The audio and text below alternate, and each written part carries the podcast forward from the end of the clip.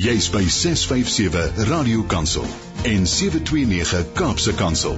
Die radio wat omgee 24 uur per dag.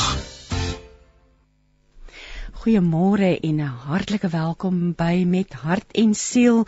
Dit sou hier in die noorde en um, ek ek vertrou dit met almal goed gaan, dat almal veilig is en ja, ons gaan lekker saam kuier tot 11:00 op Radio Kansel en Kaapse Kansel. As jy wil saamgesels, is jy meer as welkom. Jy's moontlik op vakansie al en het tyd om saam te kuier. Jy kan 'n WhatsApp stuur of 'n stemnota na 082 657 2729. Nou vandag kuier twee pragtige dames saam by in die ateljee. Ek het hier aan my linkerkant Elise Marie Müller um, en sy gaan meer vertel oor die ontdekking van jou identiteit in Christus en ons het vooraf gesels en sy het net gesê wat 'n passie sy het daarvoor om die woord vir mense oop te breek. So ons ek sien regtig uit daarna en dan 'n lekker gepaste gesprek vir hierdie tyd van die jaar. Amanda de Lange lewensafrigter ook 'n ou bekende hier op ons program. Sy gaan met ons gesels oor die stel van doelwitte. Nie moontlik iets wat jy nou aan wil dink nie. Ehm um, eers 'n bietjie rus, maar dit gaan baie sinvol wees om te hoor wat kan ons doen in die nuwe jaar om ons doelwitte te bepaal en ons praat nie van nuwejaarsvoornemens nie ons praat van die groter prentjie en dan gaan skrywer Jean Els vertel oor haar boek ons kyk na die donkie maan stories oor die lewe. Dit gaan 'n telefoniese gesprek wees. Jean is gebaseer in die Kaap. En ons sluit ons program af met 'n stilte tyd meditasie ekskuus tog deur Melanie Vosloo. So bly gerus ingeskakel vir sielskos en inspirasie en ek as jy op lief uh, Radio Kansel se Facebookblad gaan kyk, sal jy sien dat die nuwe someruitgawe van Leef tydskrif op die rak is. Daar is 'n foto van die voorblad nou te koop. So um, ek ek herinner jou graag daaraan ook vir oggend. Ek wil afskop met 'n kort stukkie skrif. Kies 'n gelukkige lewe, sê die wyse Salomo in Spreuke vir ons en hy sê onthou egter net een saak. 'n wysheid om reg te leef kom net van die Here af. Kennis en insig is net by hom te kry. Hy gaar arms vol wysheid vir die gelowige op. Dit is net vir ons bedoel vir wie die Here liefhet soos 'n skild sal dit ons teen slegte dade beskerm en dit ons aanspoor om gelukkig te leef. Jo, en ek dink ons gaan vandag wysheid deel. Dit voel vir myself die tema van ons gesprek. Elise Marie, ons gaan met jou begin. Ehm um, jy het 'n boek geskryf, Who Am I? Navigating Life with Greater Certainty by Discovering Your True Identity. Maar vertel ons net so ietsie van jouself en wat het daartoe gelei dat jy hierdie boek geskryf het? Goeiemôre Christine, baie dankie dat ek hier kan wees. Dit is my heerlik. En ja, ek is vreeslik passievol oor hierdie onderwerp want um, dit het my baie persoonlik geraak. So ek het ek het as 'n jonk kind al my lewe vir die Here gegee en as 'n Christen groot geword. Ek sal moet eerlik sê, ek dink nie ek het altyd so 'n persoonlike verhouding met hom gehad nie. Um, en ek dink ek het eers hier so laat in my 20s, vroeg in my 30s regtig ontdek wat dit beteken om Jesus te leer ken as my as my beste vriend en om die lewe saam met hom te doen. Maar in 'n geval so het ek die lewe aangepak. Ehm um, en ek het uh, getrou en my kinders gehad en toe omtrent so 7 jaar terug het ek een keer op ons bed by die huis gesit en my broer se dogter was op daai stadium 12 jaar oud, 'n tiener en ek is vreeslik lief vir haar. Sy het sommer met my gedeel die uitdagings van tiener wees en die challenges van vriendskappe en al daai onsekerhede. En uh, ek het besef daar's nou hierdie oomblik wat ek nou 'n bietjie kan in, inspraak ja, lewer ja. in hierdie tiener se lewe. Ek het nie mooi geweet wat die antwoord is nie want ek het op daardie stadium nie self tieners gehad nie. maar ek het net gesit en gedink, hoe hoe kan ek haar help? En ek het nie regtig geweet wat om te sê nie, Christine, toe op 'n stadium toe vra ek maar net vir haar, maar maar wie is sy regtig? En sy het so half 'n baie geskokte uitdrukking in haar gesig gehad en en, en hulle noem my Lizzie, tannie Lizzie. En sy het gesê maar Tannie Lizzie, ek weet nie. Ek ek is Kayla, dis wie ek is. En ek ek was bietjie onseker op daai oomblik toe dog ek nie wag ek gaan nou ek gaan nou 'n geestelike aanslag maak en ek dog toe en ek sê vir hom maar Kayla, wie sê Jesus is jy? Maar Christine, dis een van daai vrae wat ek gevra het, ja. maar ek het nie eintlik geweet wat die antwoord is nie. en uh sy het baie onseker gelyk op daai oomblik en sy het vir my gesê Tannie Lizzie, ek weet nie, wie sê hy is ek? En Christine, ek is so spyt om te sê maar op daai oomblik ek het ek nie regtig geweet hoe om haar te antwoord nie. Ek het gedink ek kan vir haar 'n paar general goedjies sê, jy weet. Mm. Jy's 'n dogter van die koning, jy weet, mm. maar ek het nie geweet hoe om daai goedjies vir haar toe te pas om haar te help in die situasie waardeur sy gaan nie. So toe maak ek maar ongelukkig net 'n ou grappietjie en verander die onderwerp. en gaan aan. Maar weet jy Christine, so die Heilige Gees het nou nie daai vraagie laat los in my hart nie.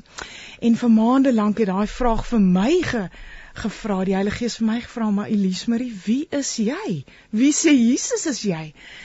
En uh, dit het op 'n punt gekom waar ek besef die Heilige Gees het 'n hy het 'n afspraak met my en ek het gaan sit en ek het goed begin neerskryf wat ek gedink het wie is ek?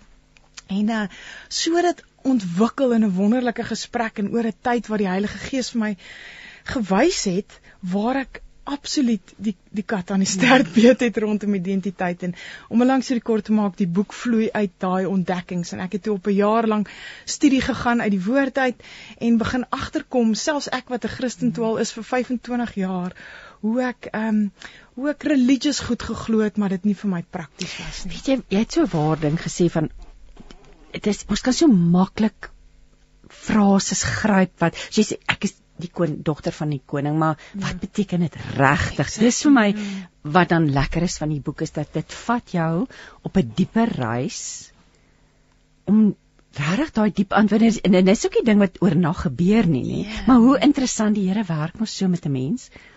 Hy gooi iets oor jou pad en dan besef jy maar dis eintlik 'n tekortkoming in my lewe en so ek kan nou vir hierdie gelaaide vraag gaan ek nou vir jou wie weer vra wie is ek Dis 'n ontsettende gelaaide vraag en ons gaan nou net 'n bietjie gesels oor dit bly konstant aan die verander want Lizzie, tannie Lizzie van vandag is is nie tannie Lizzie van daai tyd nie. Christine van vandag is die Christine van daai tyd nie. Absoluut. En dit geld vir ons almal, maar mm. dit is die eerste ding. Wel, dit is die titel van die boek. Absoluut. Weet ja. jy Christine, ek hou baie graag daarvan as ek by plekke praat oor hierdie onderwerp is eintlik om eers te begin deur te sê wie is ons nie. Sure, Want ek het ja. gevind dat baie van ons as ons daai terme hoor wat ons mee groot geword het, jy's geliefd, jy's vergewe en dan ons is ja ja ja, nee nee, ek weet. En daarom vind ek dit so behulpsaam deur amper met 'n in Engels sê ons 'n blank page te begin. Mm. Deur te sê kom ons sê net gou-gou eers wees ons nie. En oor die jare het ek nogal geleer dat daar's drie primêre dinge wie ons nie is nie, Christine. Ons is nie wat ons doen nie. So Christine, jy's nie 'n radioomroeper nie. Amanda wat hier oorkant my sit, haar identiteit is nie dat sy 'n coach is nie. Dis haar rol, maar ja. dis nie haar identiteit nie. So baie van ons identiteit en rol, ek ja. Ek is 'n moeder en ek is 'n vrou, ek is 'n dogter, ek is 'n vriendin en ek is selfs 'n 'n prediker. Dis nie my identiteit nie, dis wat ek doen. En mense vind ongelooflik baie identiteit in wat hulle doen en dit gaan als fyn Christine jo. totdat die popo die fan strike erns in die lewe en Amanda saam met my saamstem erns tref hy hom en dan wankel ons maar maar ek was dan nog altyd 'n radioomroeper of 'n coach en nou daai geleentheid weggeval hmm. wie is ek so die heel eerste ding wat ek vir mense leer is jou identiteit is nie die rolle wat jy vervul nie ma wees vrou wees uh, wat ek al jou beroep is, dis nie jou identiteit nie. Die tweede ding wat ons ook nie is nie, is ons is ook nie ons persoonlikheid nie, want Christine tereg, soos jy sê, die Elise Marie wat ek 15 jaar was, my persoonlikheid is nie noodwendig die Elise Marie wat ek hmm. vandag is nie. So ons persoonlikheid so pragtig soos wat dit mag wees en partykeer nie so pragtig nie, is nie ons identiteit nie want dit ontwikkel en verander ten goeie en ongelukkig partykeer ten slegte ook. So Die twee eerste twee dinge is ons rolle of ons dit wat ons doen en ons persoonlikheid is nie ons identiteit nie. Die derde ding wat ek vir mense verduidelik, ons belangstellings of hobbies of gifts of aanleg is ook nie ons identiteit nie. Want so baie mense beskryf vir hulle self, maar ek ek's mal daaroor om hierdie vraag te vra, Christine. Ek geniet dit om vir mense te vra.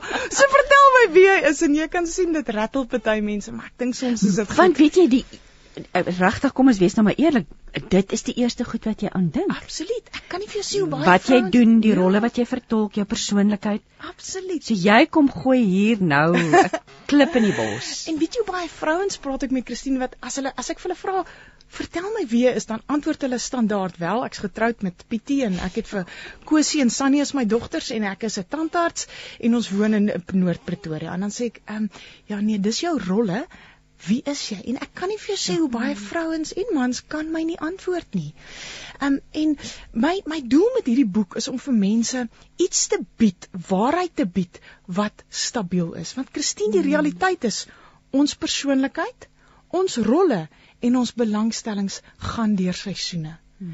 En dit gaan baie kere fantasties met daai drie areas in ons lewe en ander kere minder fantasties. Hmm. En die vraag is, wil ons as kinders van Jesus Christus deur die lewe gaan en meegesleur word met die seisoen van ons rolle, met die seisoen van ons belangstellings, met die seisoen van ons uh uh hobbies, ekskuus, ek dink nou in Engels, die boek is in Engels geskryf. En ek bied in hierdie boeke waarheid wat ons almal weet, maar ek delf in hom in om vir jou te sê jou identiteit in Jesus is absoluut onveranderbaar. Christine, jou identiteit, Amanda, jou identiteit, my identiteit is presies dieselfde in Jesus en dit verander nooit nie. Met ander woorde, ons leer dan 'n waarheid om te glo oor onsself iets wat nooit verander nie. Of jy nou CEO van 'n maatskappy is en of jy geretrench is, of jy sukkel met woedeaanvalle en of jy die uh UNICEF ambassadeur van vrede is. Jesus wat hy oor elkeen van ons spreek, verander nooit nie. So, ek skryf in die boek dat identiteit offer vir ons twee dinge. Vergeef my dat ek dit in Engels sê, maar ek kry nie lekker Afrikaanse woorde daar. maar identity offers us stability and ability.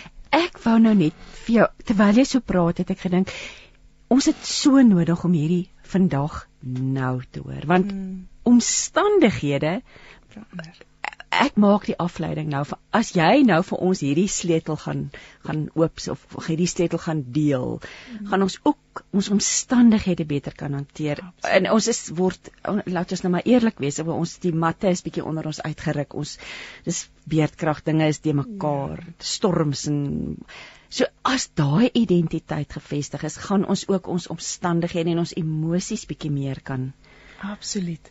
Bestuur, nê. Nee. Absoluut. En ek dink Christine wat vir my so fantasties is, is dat emosies 'n so groot realiteit. Ons kan dit nie ontken nie. En emosies het 'n baie harde stem. Inteendeel meeste van die tyd skree dit. ja. En ehm um, selfs die goeie emosies, jy weet, vreugde, maar ook vrees en onsekerheid. Mm. En wat ek ontdek het in Jesus is dat die identiteit wat hy oor ons spreek uit die woord uit is 'n realiteit en 'n waarheid wat vir ons 'n fondasie skep. En ag, Christine, ons almal het groot geword bou jou huisie op die rots. Ja. Maar ek's mal daaroor om die vraag is te vra, ja. wat te hek beteken dit in ja. my praktiese rol as 'n ma vir my twee tieners, ja. as 'n vrou vir my man, as 'n kollega, as 'n vriendin, want om net vir my te sê bou jou huisie op Jesus, dis die waarheid, maar ek verstaan dit nie. En hmm. in die boek delf ek daarin om te verstaan. Weet julle so in daai storie begin Jesus, Christine, hy begin daai storie deur iets profoundly pivotal te sê sodat ons die storie beter kan hmm. verstaan. Hy sê en ek gaan vergeet my, ek gaan dit weer in Engels sê want hy sê those who listen to my voice and apply it to their life is like a wise man hoe build his house. En wat ek daaruit kry Christine is as ons begin luister na wie Jesus sê ons is en ons begin dit toepas in ons lewe, is ons soos 'n wyse man en 'n vrou wat ons lewe op Jesus bou. So met daai weer daai tipiese lingo, ooh, bou jou huisie op Jesus of bou jou huis op die rots. Vir my basies prakties beteken dit: glo jy wat Jesus sê oor jou en pas jy dit toe in jou lewe, want dan het jy 'n sterk fondasie. Dan kom die storms en hulle gaan, né nee, Amanda, hulle gaan kom. Maar jou huisie gaan bly staan nie omdat jy nie storms face nie, maar omdat jy op 'n rots gebou is. En die rots is wie Jesus sê is Christine en wie Jesus sê is Elise Marie en wie Jesus sê is Amanda. In die eerste deel van die boek, Christine, praat ek baie oor wat is ons identiteit nie, want ek kan nie vir jou sê hoe baie van ons vind ons identiteite in een van daai drie areas nie. Ek verduidelik dit bietjie verder, kan ek maar Ja, asseblief, ons hang aan jou lippe. Ek verduidelik so ek het daai eerste drie gesê wat ons identiteite nie is nie, dis nie die rolle wat ons vervul nie. Dis nie ons persoonlikheid persoonlikheid nie en dis ook nie ons belangstellings nie. Soms verduidelik dit ek 'n bietjie anderste want ek het gevind in my lewe dat ek vind vreeslik baie identiteit in ander drie of dis net 'n ander manier om dit te hmm. stel. Die eerste een is wat mense van my sê. Oei, ja. En Christine Hulle sê soms slegte goed en dan hmm. begin ons dit glo, maar hulle sê ook soms pragtige goed. En dan, en dan begin ons dit nie. net so hard glo. Of glo ons dit of ons glo dit nie. Sê, dit gebeur ook. En ons begin hunker na wat mense van ons sê en ons begin ons lewe oor tyd so aanpas dat wat mense van my sê, hinker ek na so ek tree dan so op. En Jesus kom en hy sê, "Gaan jy kies om te glo wat ek van jou sê, want ek het baie om te sê vir jou my liefste meisiekind en my liefste seun. Ek het so baie om vir jou te sê. Gaan jy kies om na my te luister want weet jy dit wat ek sê verander nie, waar dit wat mense sê verander." So dis die eerste ding wat ons identiteit is nie. Ons identiteit is nie wat mense van ons sê nie. Die tweede ding is ons identiteit is nie en jy het dit nou-nou gesê, nie in wat ons doen nie. Skus, ek gaan nou die derde een sê. Die tweede een is nie in wat ons doen nie. Want en dis maar eintlik dieselfde as rolle. Hmm. En weet jy daar's so baie van ons Christene wat ons identiteit vind werke, in die rolle wat ons selfs in die kerk ja, het. Ja selfs ons geestelike callings, Christine, so baie van ons fokus op wat is jou geestelike gift? Wat het jy al jou geestelike gift ontdek en loop jy daaraan? Asseblief, ontdek dit en loop daaraan, maar dis nog steeds nie jou identiteit nie. Want ons kan 'n geestelike calling hê, nie daaraan loop nie en ons identiteit in Jesus bly presies dieselfde. Die callings wat hy vir elkeen van ons gegee het, is wat hy wil hê ons moet doen met wie ons is. Hmm. En die derde ding wat ons baie keer ons identiteit in fit is in, in ons omstandighede. En nou, daarmee verwys ek na die dinge waarheen ons nie beheer oor het nie.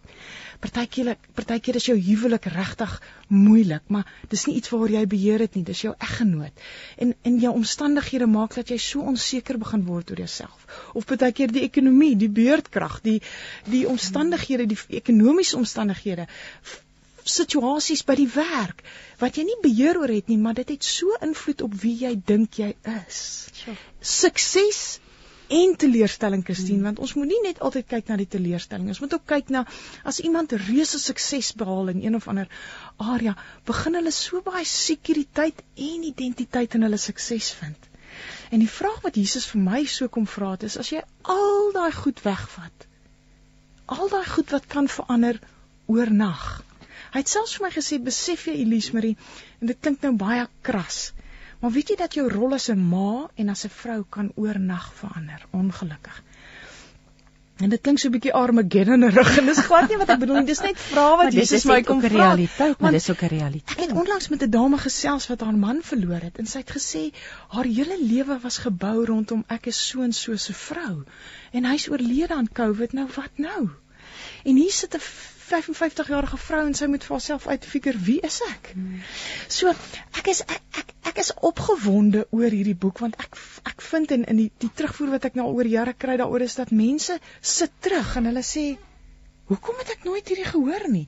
En Christine, dis nie rocket science nie, dis nie ek het iets ontdek wat niemand nog weet nie. Dis goed waarmee ons groot word, maar in die tweede helfte van die boek delf ek in nege identiteite in wat uit Efesiërs 1 kom. Ja, dit dit ons gaan daarby uitkom. Ek sien so uit daarna dat ons daaroor gesels. Ek wil nou vir jou vra, ehm, um, sommer net so 'n bietjie, jy het nog gesê 55 jarige vrou. Kom ons praat gou oor seisoene. Ja. En hoe maar eintlik lê die antwoord in wat jy nou nog gaan sê, nê? Nee. Want dinge verander. Jy het gepraat met die jou tiener niggie. Ja. En 55 jaar vir ons word die hele tyd gekonfronteer met hierdie verandering. So met ander woorde, as jy vas staan in hierdie identiteit, absoluut. Ek dink dis die ding Christine, ons moenie naïef wees oor die die verandering van seisoene nie. Die verandering van dinge wat in ons lewe hmm. gebeur nie. Maar wat Jesus vir ons bied, is hy sê my dogter, Jy gaan op 'n stadium 'n tiener wees jouself. Hmm. Dan gaan jy 'n jong getroude vrou wees. Dan gaan jy 'n jong werkende man wees wat besig is om sukses te behaal. Dan gaan jy 'n man wees wat sukkel in jou beroep. Hmm. Dan gaan jy 'n ma wees met tieners wat nie weet hoe om die situasie te Dan gaan jy 'n ouma word. Al hierdie seisoene en wat Jesus vir jou bied is, hy bied vir jou stabiliteit. Hmm. Hy bied vir jou waarhede wat nie verander of jy 12 jaar oud is en op 'n bed sit en nie weet oor vriendskappe en of jy 55 is en sopas jou man verloor het nie. Die waarheid oor wat hy oor die 12-jarige spreek en die waarheid wat hy oor die 55-jarige spreek is presies dieselfde. En Christine, wil ons nie iets hê in hierdie omstandighede in ons lewe nou wat nie kan verander nie? Absoluut. En dis wat Jesus vir ons bied in die identiteit wat hy oor ons spreek. En nou gaan ons heel gepas.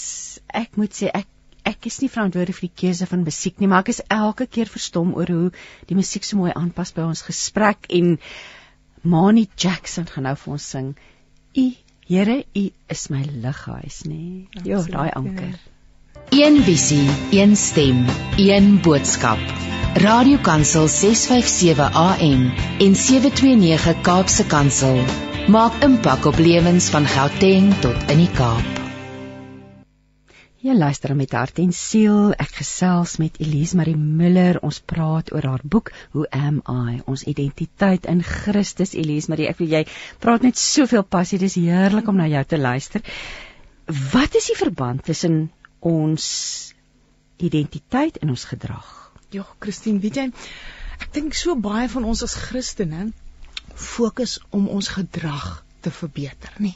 Ons weet Jesus wil hê ons moet op 'n sekere manier lewe en ons wil graag so lewe. So wat ons doen is ons begin fokus op die verkeerde gedrag. As jy sukkel met jou woede of jy is ongeduldig, dan werk jy en ek moet meer geduldig wees en minder kwaad word. Ja, ons kastei onsself, nie? Ja, absoluut. En weet jy Christine, ek verduidelik dit baie keer so. Hierdie hele storie wat ek vroeër gepraat het van bou jou huis op die rots. Wat ons soms doen is ons glo die verkeerde dinge oor onsself En dit is waarop ons huisie gebou is op sand.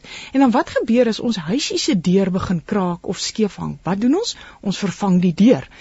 Dan 'n paar maande later dan hang die deur weer skuins. Dan wat doen ons? Ons vervang die deur. Maar nêrens kyk ons nou maar, wat is die oorsaak van die deur wat so skeef hang? Is dit dalk die feit dat ons op sand gebou het en nie op 'n rots nie? En dis wat baie keer met ons gedrag gebeur, Christine. Ons sukkel met sekere dinge wat nie goeie gedrag of goeie karaktereienskappe is nie en ons probeer net op die eindresultaat fokus en dit fix. Jy weet, wees meer geduldig, stel meer belang in ander mense, hou op twak praat, hou op skinder en eintlik wil ek sê, as jy begin uitvind hoekom jy so optree, wat glo jy oor jouself? Wat maak dat jy skinder van iemand anderste? Hoekom is jy so vreesagtig oor die toekoms? En dis waar Jesus se identiteit oor ons inkom. As ons begin reg glo wie Jesus sê ek is en ons begin dit regtig glo met die krag van die Heilige Gees, gaan ons sien dat dit oor tyd ons gedrag gaan beïnvloed. So in plaas van om by gedrag te begin en dit te probeer fix, wil ek eerder voorstel begin by die waarheid oor wie Jesus sê jy is. En begin dit glo en hoe meer jy dit glo en toepas in jou lewe, hoe meer gaan jy sien daai gedragspatrone wat ons mee sukkel, gaan deur die krag van die Heilige Gees verander word want ons glo anderste. So die link wat ek vir jou wil sê Christine is Daar is 'n profound, skus 'n groot link tussen wat jy glo oor wie jy is en hoe jy optrede. En die doel van die boek is om vir jou te herinner wie jy is sodat jy dit kan begin glo en jy sal sien hoe dit jou dan ekoop. Dis hoekom ek sê identiteit bied vir jou equipment aan. Dit gee vir jou die toerusting om daardie verkeerde optredes of denkpatrone actually te kan verander. Dis nou baie interessant en ek kan nie wag dat ons nou daaroor gesels nie hierdie 9 Bybelse identiteite daar's verskille en daar's die enneagram, daar's allerlei uh, persoonlikheidstoetse mm. en ek dink ek dink mense kan net identiteitstoetse noem, maar daar's ek is die tipe A persoonlikheid mm. of dit of dat. Daar's so baie van hulle en Ek wil nou by jou hoor wat maak hierdie anders en dan wil ek graag gaan hê ons moet daaroor gesels wat hierdie 9 is. Ek dink ons luisteraars is net nuuskierig waar ons hou daarvan om vir onsself in 'n boksie te kan sit. ons hou van bullet points gesien. Dis wonderlik. Dit gee orde aan die, dit gee orde aan die lewe. Maar waar waar kom hierdie vandaan? Ek ek wil net eers instansie sê jy het dit so mooi opgesom. Al hierdie al hierdie programme is persoonlikheidsgoeders, Christine. En ons persoonlikhede is nie ons nie stabiel nie. Dis so pragtig soos wat dit mag wees. Dis nie 100% dieselfde al die tyd nie. Ehm um, waar ons identiteit is 100% dieselfde elke dag al voel jy nie so nie. Al tree jy nie so op nie.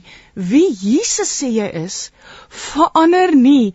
Geen nie om wat se toets jy doen nie, want wat hy sê is waarheid en sy waarheid verander nie. So die verskil tussen identiteit en karaktereienskappe is karaktereienskappe ontwikkel en groei hopelik sodat ons meer in die vrug kan lewe van wie Ja, want die Bybel moedig ons ook aan, nee. Asseblief, verander jou denke, verander. Jy's dis nie elke môre. Ja. Ehm ja. um, so 'n nuwe ou wyn in die nuwe wynsakke ja, en absoluut. So daai dit is ook 'n Bybelse realiteit. Absoluut. So ons groei daarin maar maar ons identiteit die dag wat ons ons lewe vir Jesus Christus gegee het, het ek en jy en Amanda ten volle ons identiteit ontvang.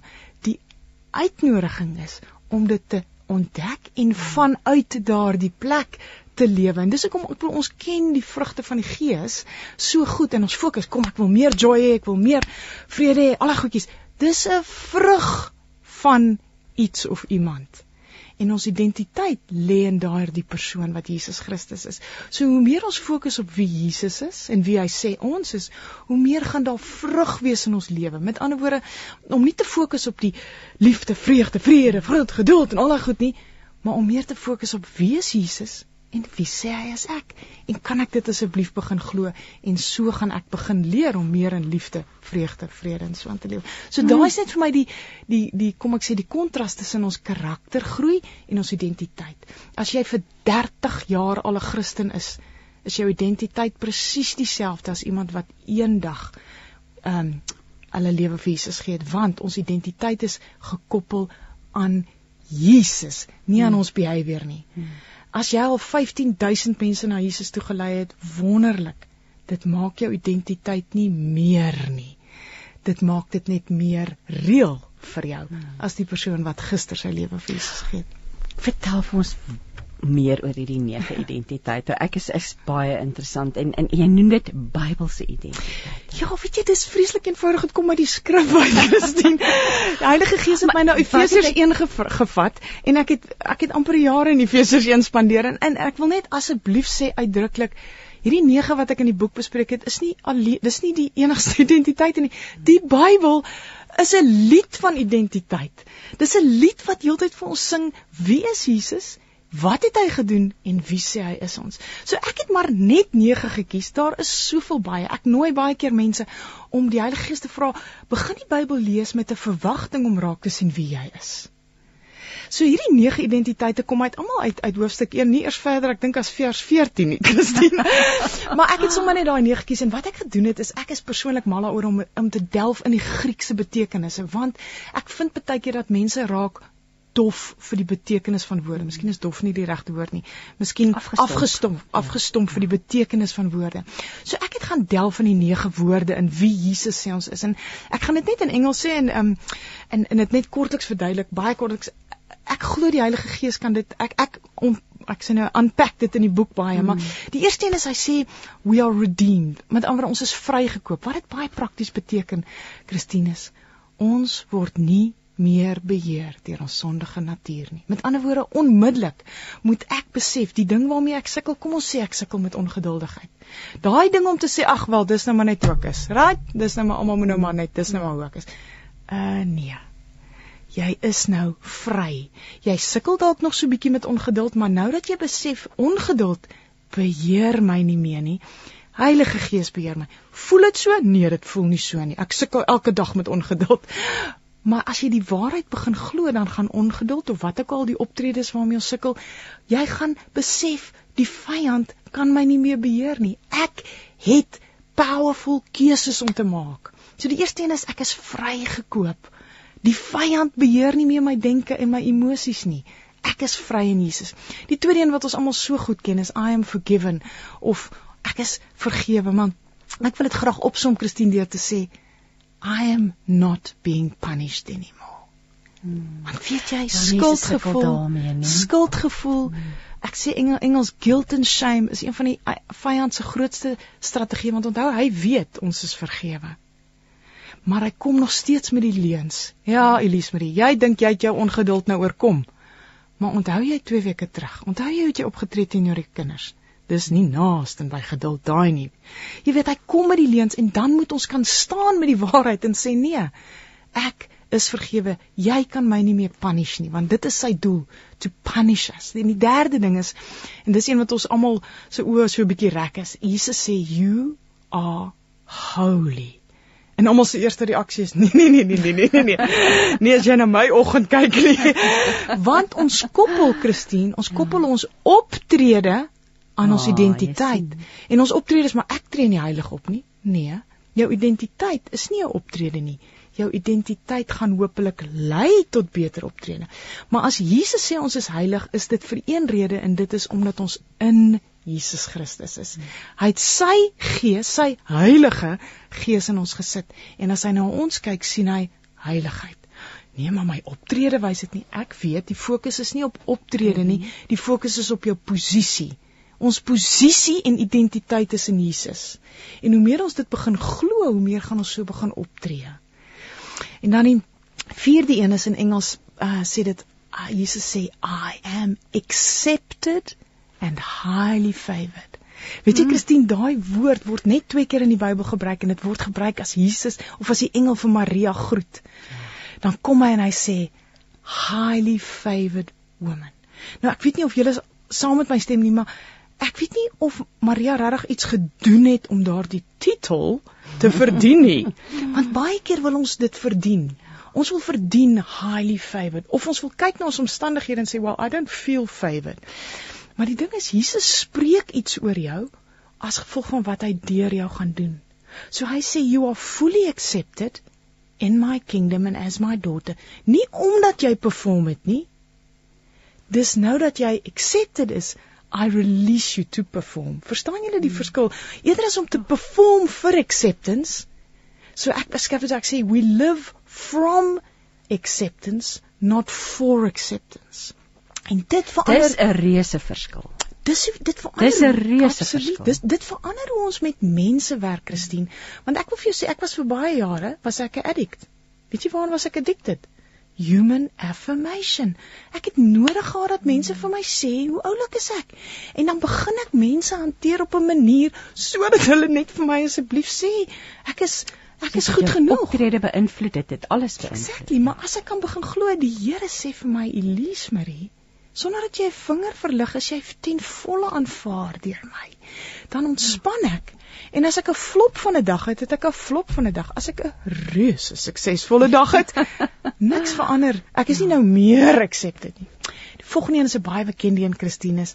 Maar dis een wat as jy hom in diepte gaan ontdek, is dit so powerful, is I am adopted.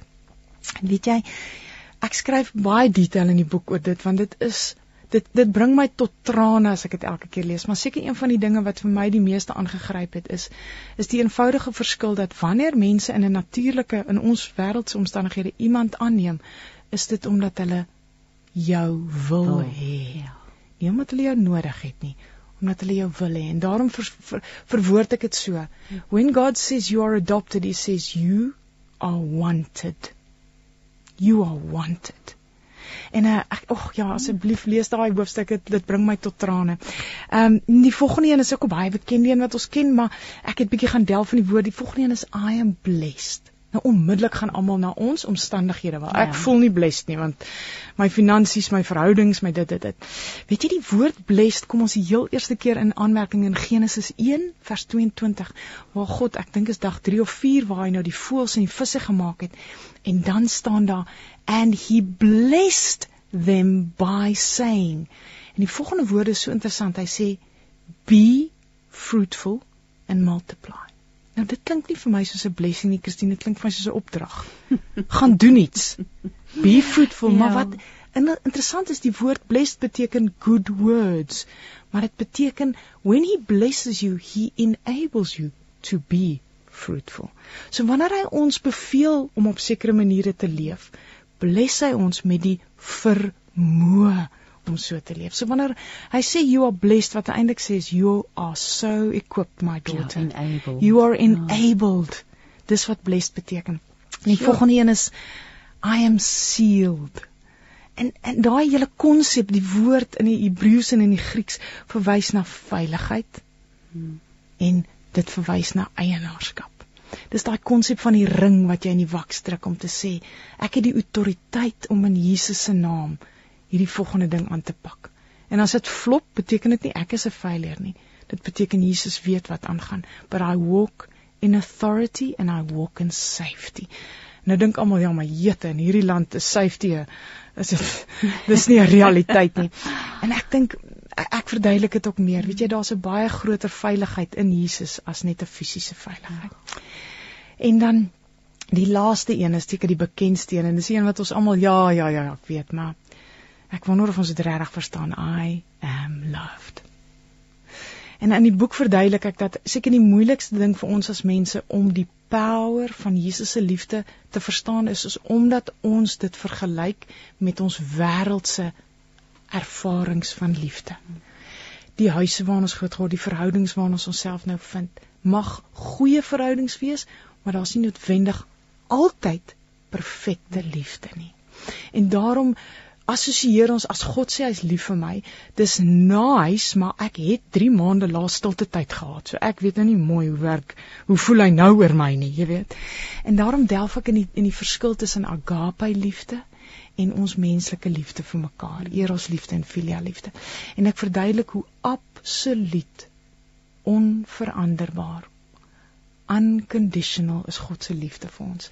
Met ander woorde of jy nou 3 jaar laas stilte tyd gehad het, of jy nou geld gesteel het of wat ook al jy aangevang of jy die reuse suksesste pastoor in die land is. Jesus se liefde verander nie vir jou omdat jy meer effektief in sy koninkryk is of minder effektief nie. En al daai nege dinge uh, Christine is empowering. As ons dit beglo it empowers us to change our behavior. Dit verander hoe ons dink oor onsself en dit verander hoe ons ander mense hanteer So dis hoekom ek so opgewonde is oor hierdie waarhede. Die verskil nou is al daai nege identiteite behoort aan jou. Hier's nou iemand wat vir ons skryf en sê baie baie dankie vir julle program. Ek is op 'n baie moeilike plek in my lewe.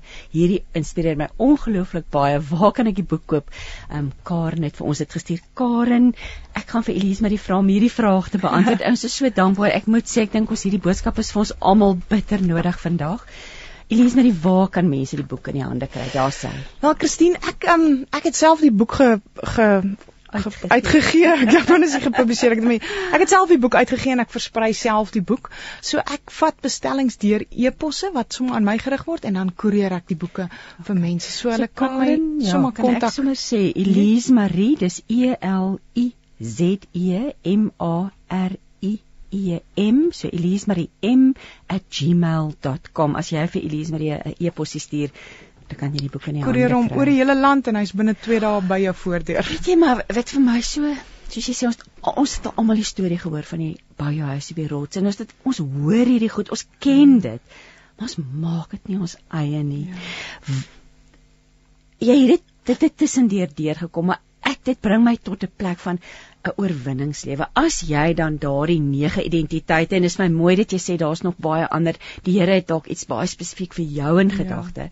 as jy gaan sit met sy woord. Mm. Prakties, hoe waar begin iemand soos Karen wat sê vandag maar ek's nie op 'n goeie plek nie. Waar begin 'n mens prakties letterlik by die voete van die Here te gaan sit? Absoluut, Christine. Weet jy, ek ek ek dink ons onderskat die krag van die Heilige Gees om by Jesus te gaan sit en te sê Jesus, ek het 'n klomp leuns oor my lewe geglo. Ek het geglo wat mense van my gesê het. Ek het geglo ek is wat ek doen. Ek het geglo ek is omdat my omstandighede sê jy's 'n failure.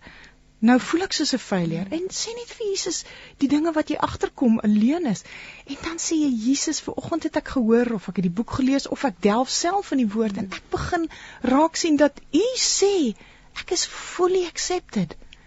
En ek vra Heilige Gees dat U my sal help om dit te begin glo. Jy weet Christine, ons ken die vers wat sê um the truth shall set you free. Maar weet jy wat ons mis die eerste deel van daai versie wat sê you will know the truth yes. and the truth will set you free. Ons moet die waarheid weet en dan dit begin glo. Elise, is wat dalk ek so vas vanoggend. Hier's iemand wat vra of daar 'n nommer is. Ja, ja, kan ek myself 'n nommer oor die lug gee? ja, skakel my gerus. Ek is ook op Facebook. Kyk maar onder Elise Marie Miller en hulle kan vir my via Facebook kontak ook.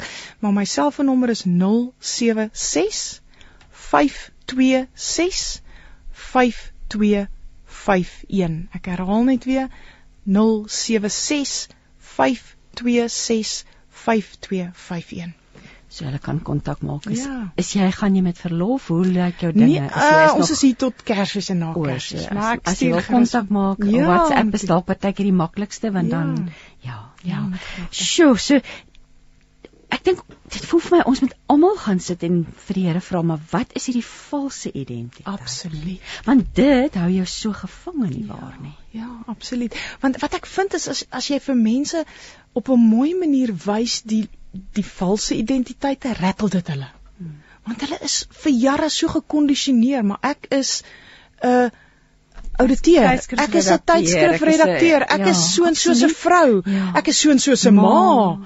Ehm um, en as jy vir hulle sê maar dis nie wie jy is nie dan hulle weet nie wat en al wat ek wil sê is asseblief Jesus wil vir jou sê wie hy is. Dis nie asof hy jou net daar wil los nie. Hy wil nie hy wil nie die leuen breek nie. Hy wil vir jou 'n waarheid bied. En dis 'n opwindende waarheid, Christine, want dis empowering. Ek love die feit ek, ek as ek dit net laastals in Engels kan sê, what Jesus commands, he enables.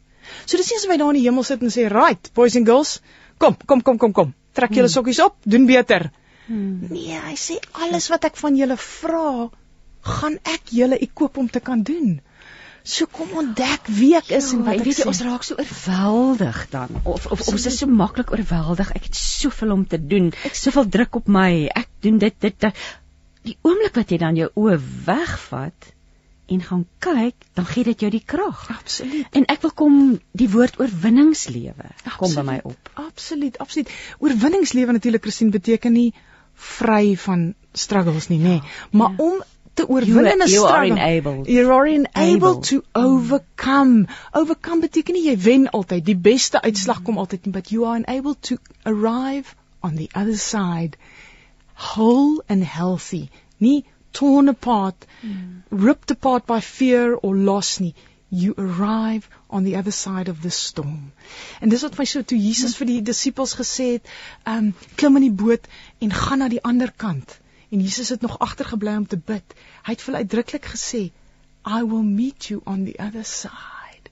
Dis 'n dis 'n dis 'n promise. You will get to the other side. En toe die storm kom en Jesus kom aangestap op die water, toe skrik hulle hulle sterte af. en hulle sê, "Maar ons is bang." Maar Jesus sê, "Maar ek het ek het gesê, I'll get you on the other side." En oorwinningslewe is om deur die storm te kan gaan met die wete Ek is geanker aan Jesus en hy wag vir jou aan die ander kant. Wel, hy's eintlik saam met jou in die boot. hy's eintlik saam met jou in die boot en hy gaan jou ja, deur hierdie storm help. I'll get you to the other side. I will get you to the ja. other side. Maar of wat ons op fokus is, my bootjie gaan tap. ja, en die, ek dink wag, ek is aan die ander kant oor die brug. ja, daar kan. Weet jy dit lê nou op my hart. Ek sien dis nou 5 voor 10 en ons gaan musiek luister, maar dit lê op my hart dat jy vir ons 'n gebed moet doen asseblief. Sommige vir almal vandag wat luister en gebroke voel en voel ek ken nie my identiteit in Jesus Christus nie. Ek doen dit met graagte. Koning Jesus, dankie dat U deur radiogolwe vanoggend met daai seun en dogter van U wil praat en ek wil in geloof U liefde release oor die golf radiogolwe vanoggend. En ek wil spreek Jesus sê jy is genoeg. Jesus sê jy is veilig. Jesus sê jy is vry in Jesus en Jesus sê jy's heilig. Jy is geëkoop en jy is so liefgehad. En Vader, ek bid dit soos wat elke luisteraar dit hoor vanoggend dat die krag van die Heilige Gees daai waarheid in hulle harte en hulle gedagtes sal vasmaak. Ek bid vir leuns om te breek vanoggend, vir guilt and shame om gebreek te word en vir kinders van Jesus Christus om op te staan in vryheid met hoop die res van hierdie jaar aan te pak. Amen. Amen. Ek wil net herhaal, ek weet van ons luisteraars het dalk nie die begin van ons program gehoor nie. Ek het gesels met Elise Marie Müller. Die boek is Who Am I? Navigating Life with Greater Certainty by Discovering Your True Identity. En soos ons tereg gesê het, daardie anker ons identiteit in Jesus Christus. Laaste gedagtes van jou kant af, Elise Marie. Ek dink ons jy gaan nou gesels met Amanda oor doelwitte. Een van die beautiful stories van die Bybel is waar Petrus vir Jesus. Jesus vra vir hulle vir sy disippels, "Wie is ek?" Hæ? Huh? Selfs Jesus ja. vra dit, maar natuurlik weet ons hy ken die antwoord. Die die ja. vraag is om hulle te nooi om te ontdek. En Petrus sê dan vir hom, hy is die Messias wat 'n ongelooflike revelation op daai stadium vir hulle was. Dan gebeur daar 'n fantastiese ding, Christine. Jesus sê vir Petrus, Daai ontdekking van wie ek is, Jesus, is vir jou gegee deur die Vader. Met ander woorde, as ons ontdek wie Jesus is, dan gebeur wat met Petrus gebeur het. Jesus sê vir Petrus, "Wie is hy?" En die derde ding en dit gaan nou aanlei tot wat jy gaan gesels met Amanda is. Jesus sê vir Petrus, "Wat dra hy?" Jesus sê vir hom, "You've got the keys of the kingdom." Met ander woorde, Petrus het uitgevind wie Jesus is, toe vind hy uit wie hy is en toe vind hy uit wat hy kan doen. En ek dink dis die volgorde wat ons eintlik dit in moet ontdek, Christine. Nie wat moet ek doen, wat moet ek doen, dis wie is Jesus? Wie sê hy is ek? En daarom weet ek wat ek kan doen daarmee. Weet jy, ek dink onmiddellik aan matriek matriek kinders, jong kinders wat groot besluite oor hulle lewe moet neem, hmm. oor wat gaan ek doen met my lewe en wat 'n kosbare stukkie wysheid begin daar nê ook vir hierdie jong mense wat groot besluite moet neem mm. in universiteit toe gaan volgende jaar of college of begin begin werk. Ja. Kom ons begin almal daar nê en um, oud of jonk nê dit want dit is soos ons reg gesê dit verander. Mm -hmm. Is dalk 'n bejaarde en nou in 'n in 'n 'n huis wat sê wat doen ek nou? Mm. Wat wat wat wat is my lewe nou? Wat wat wie's ek nou ja, nê? Absoluut. Ja. So dis geld vir ons almal. Ag ek wil vir jou so dankie sê dat jy deur hierdie reën. Ons het deur vreeslike stormreën gery tot in Johannesburg, ag tot in Pretoria vandag. So baie baie dankie daarvoor. Um, dankie vir die geleentheid. Seën vir jou boek. Ek gaan net o, ek gaan ek sal so sê hierdie die al die inligting gaan net hier naby die lieflike dames van Radio Kansel se kliëntediens beskikbaar wees. Jy kan kontak, jy kan 'n e-pos stuur, jy kan bel en hulle gaan jou help 012 334 13 0891 Google ook net as jy dalk in die motor is as jy nog meer wil weet maar alles seën vir jou seën vir die kerstyd en die rustyd wat voor lê in 2023 Dankie Christine. Oh man ag Elise Marie dit was wonderlik. Kom ons luister weer eens Almarie de Pre Hemeldans. Daar sy Jy's by 657 Radio Kansel en 729 Kaapse Kansel. Die radio wat omgee 24 uur per dag Jy luister nou met hart en siel en nou gaan ek gesels met Amanda de Lange. Amanda, jy sê jy moet jou tong byt om nie in te spring saam te gesels. Daar's so baie wat ek kan sê wat ek wou sê. Ek ek is baie uh ja, die onderwerp is vir my ook na nie hart, baie na nie hart. So baie wysheid, ja. maar ons gaan nou gesels oor doelwitte want ons is in hierdie wêreld dis wonderlik as ons ons identiteit ontdek het stel dit ons in staat soos Elise met dit reg gesê het om ons doel doel in hierdie lewe te ja. ontdek en ja. na te volg doelwitte dit dit is 'n leerlike interessante onderwerp so kom ons begin dood eenvoudig wat is 'n doelwit en hoekom is dit belangrik so 'n doelwit is eintlik maar net 'n baie gefokusde punt waarna toe jy werk. So dis meer as om te sê ek wil volgende jaar Desember uh oor see gaan. Dit beteken om te sê wat beteken dit? Hoe gaan jy by daai punt uitkom? So dit is 'n mikpunt wat jy vir jouself stel, maar is baie meer gedefinieer as net die breë mikpunt. En die rede waarom dit belangrik is, is dat wanneer ons net 'n breë ek wil vir onsself stel, dan kan ons dikwels nie daarby uitkom om dit uit te voer nie want ons het nie vir onsself bepaal hoe ons by daai punt gaan uitkom. En dis hoekom ek doelwit en om vir jouself gesonde doelwitte te stel, dis hoekom dit belangrik is. En dis interessant, ons het so 'n bietjie vooraf gesels. Ons het almal doelwitte, maar ons delf nie noodwendig dieper nie. Ons nee. ek wil volgende jaar meer selfsorg toepas. Ja.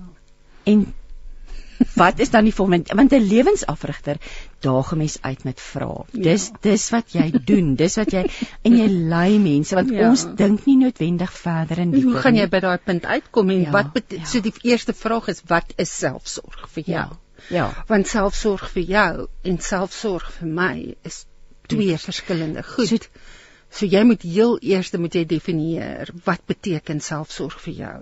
Voel vir my mense het pen en papier nodig hier vir hierdie gesprek. jy wil neerskryf maar so die en dan die tweede stap is dan om te sê maar hoe gaan ek daarby uitkom?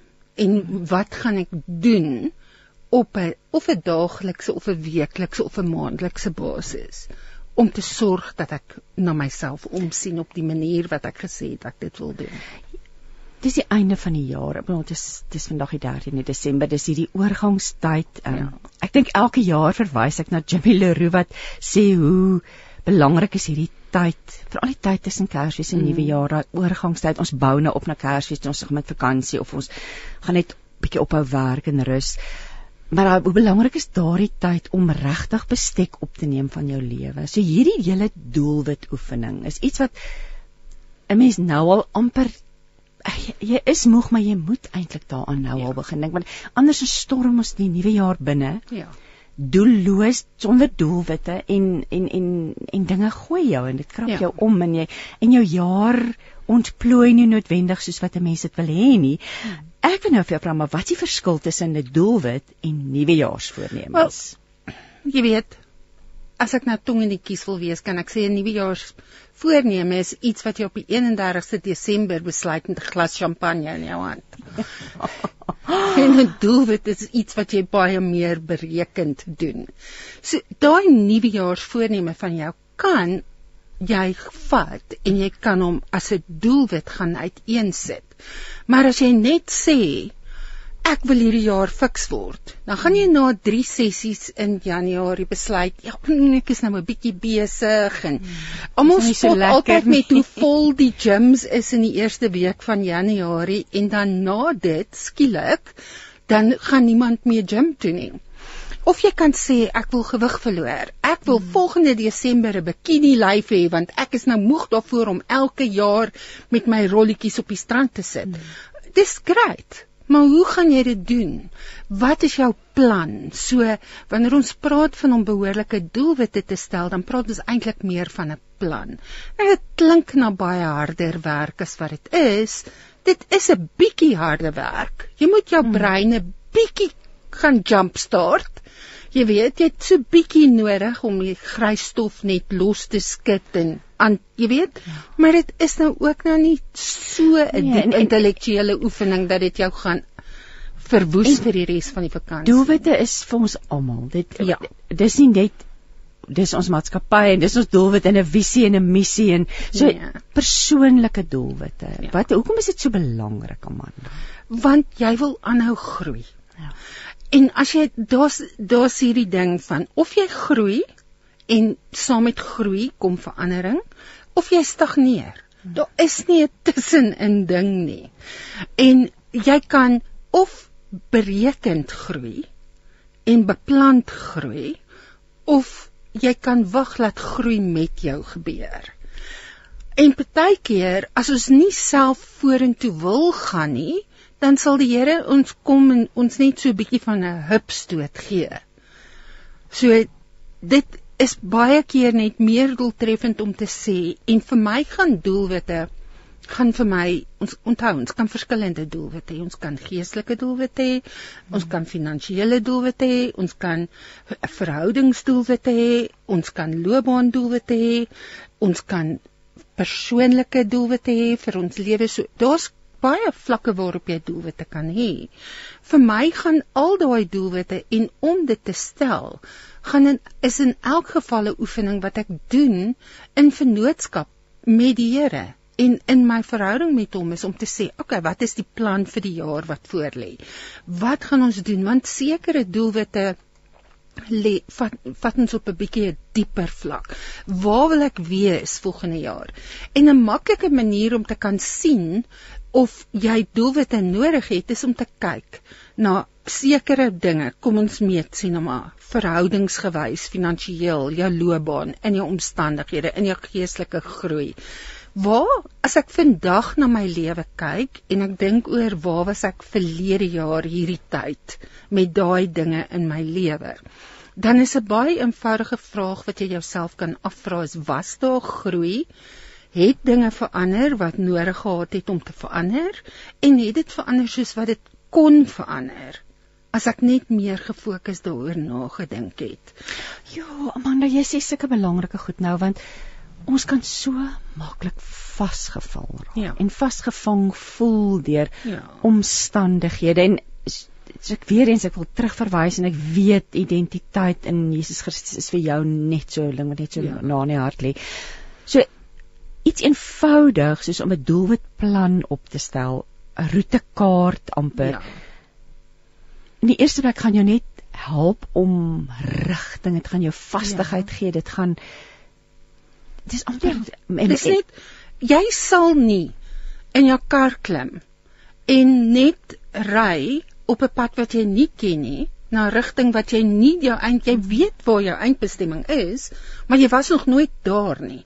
Want onthou, ons almal weet die volgende eindbestemming is Desember 2023, maar ons was nog nooit daar nie. Ons weet nie hoe daai pad lyk nie. Ja, wat wag vir ons nie in hierdie jaar nie. So jy kan kies om blindelings in hierdie jaar in te gaan of jy kan kies om dit met doelwitte te doen. En as jy dit met doelwitte doen, dan is daar 'n manier waarop jy jouself verantwoordbaar kan hou vir jouself.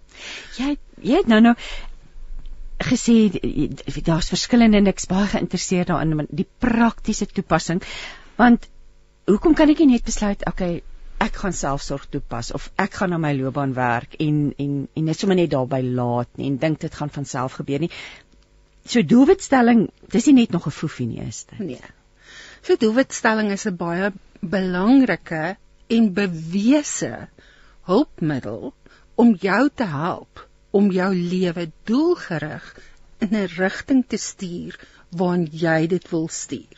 Beteken dit dat jy nie gaan uitdagings kry nie? Beteken dit dat jy nie gaan dalk agterkom, o, oh, hierdie doelwit is moeiliker as wat ek gedink het dit gaan wees nie?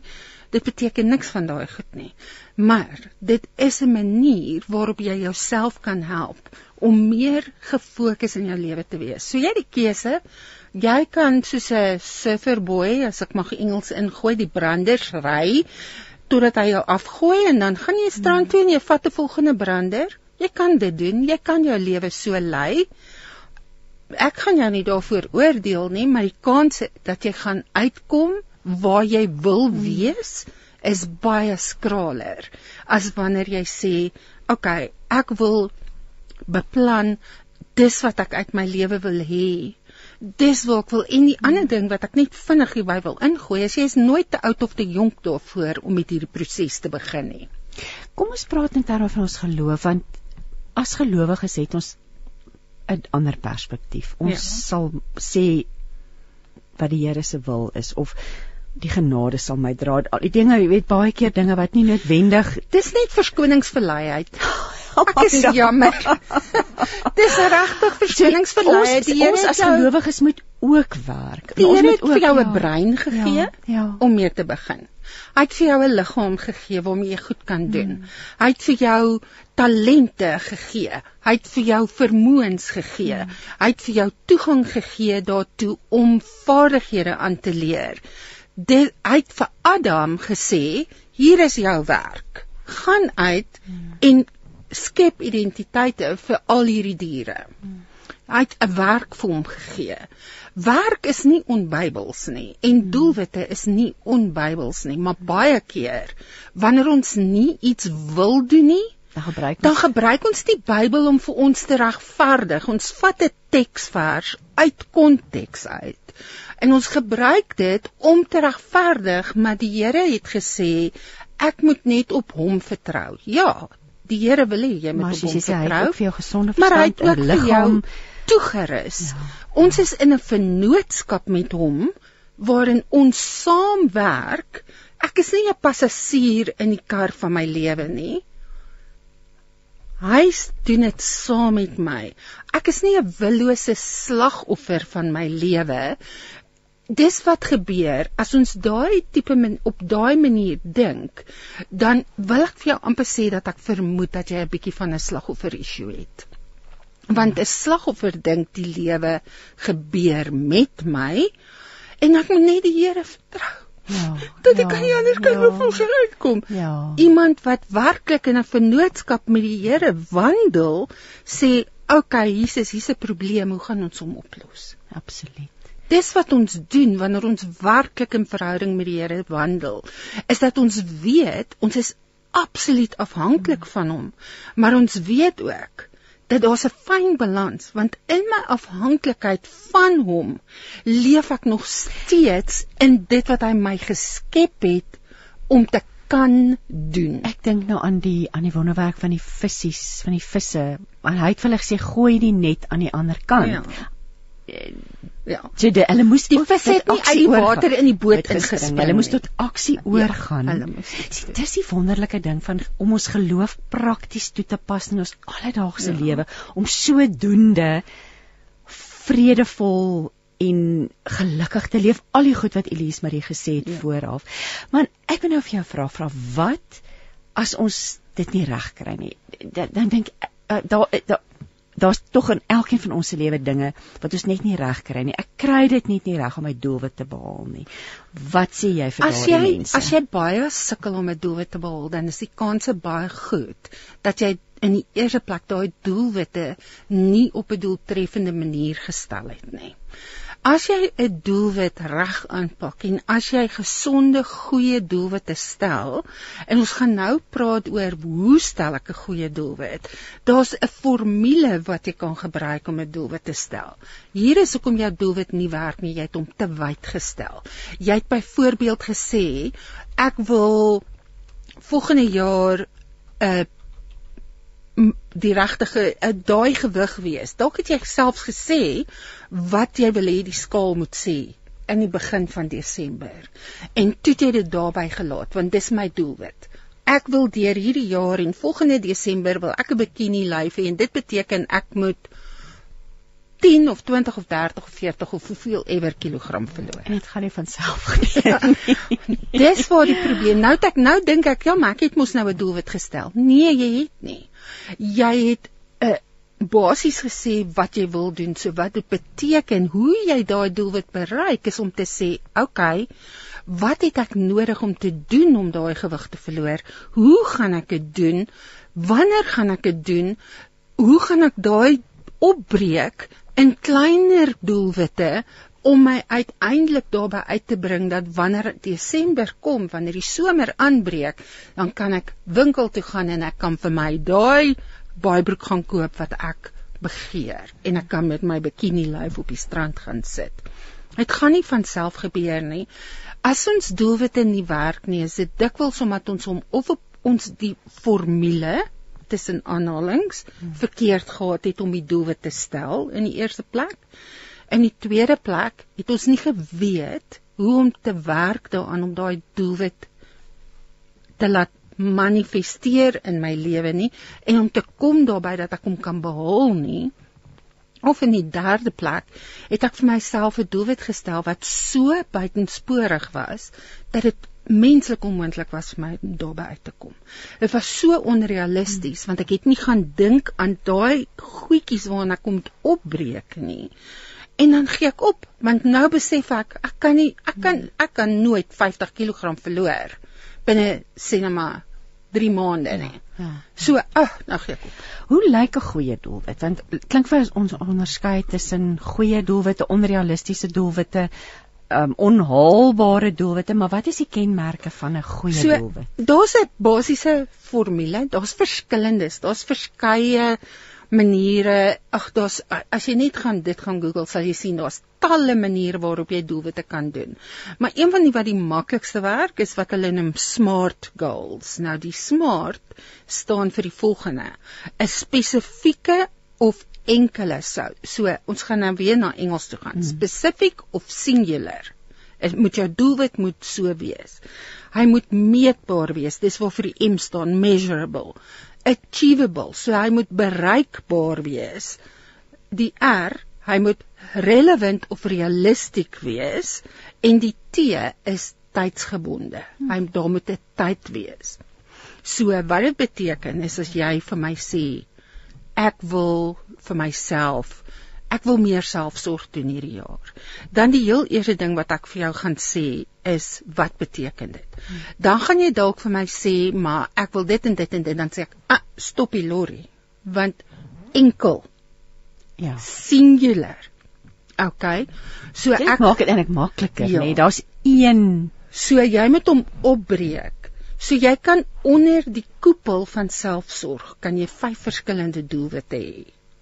Maar jy moet hulle opbreek in enkel doelwitte want anders raak dit baie verwarrend want ek het nou gesê sê nou maar selfsorg beteken vir my ek gaan genoeg rus, ek gaan gesond eet, ek gaan meer sosiaal wees, ek wil meer lees, ek wil ek wil spa behandeling sê. Wat bet, dit beteken niks as ek dit sê nie. Ek moet gaan sê, okay, hoeveel boeke? Kom ons begin. Sê ek wil meer lees. Wat beteken dit? Hoeveel boeke wil jy lees per maand? Um wat wil jy lees? As jy sê jy wil meer lees. Hoekom wil jy meer lees? Wat wil jy bereik daaruit? Ek wil nie ek wil net vir ontspanning. OK. So goed. Hoeveel boeke kan jy realisties lees? Dis die R. OK, in 'n maand. So kom ons bepaal dit. Dan sê ek, OK, goed. Ek gaan hierdie jaar 1 boek 'n maand lees. Ek kan dit meet. Dis waar die meetbaarheid inkom en dis tydsgebonde. So dis 'n enkel doelwit. Ek kan hom meet dis bereikbaar, dis realisties en daar's 'n tyd aan verbonde. Dan weet ek ek het vir myself 'n gesonde doelwit gestel. As ek sê ek wil gesond leef, wat beteken dit vir my om gesond te leef? Dit het te doen met ek wil reg eet. Ek wil oefen. Ek wil genoeg slaap. Ek wil balans in my lewe hê. Dan moet ek weer eens daai opbreek in enkel doelwitte. So wat beteken dit vir my in terme van gesond eet?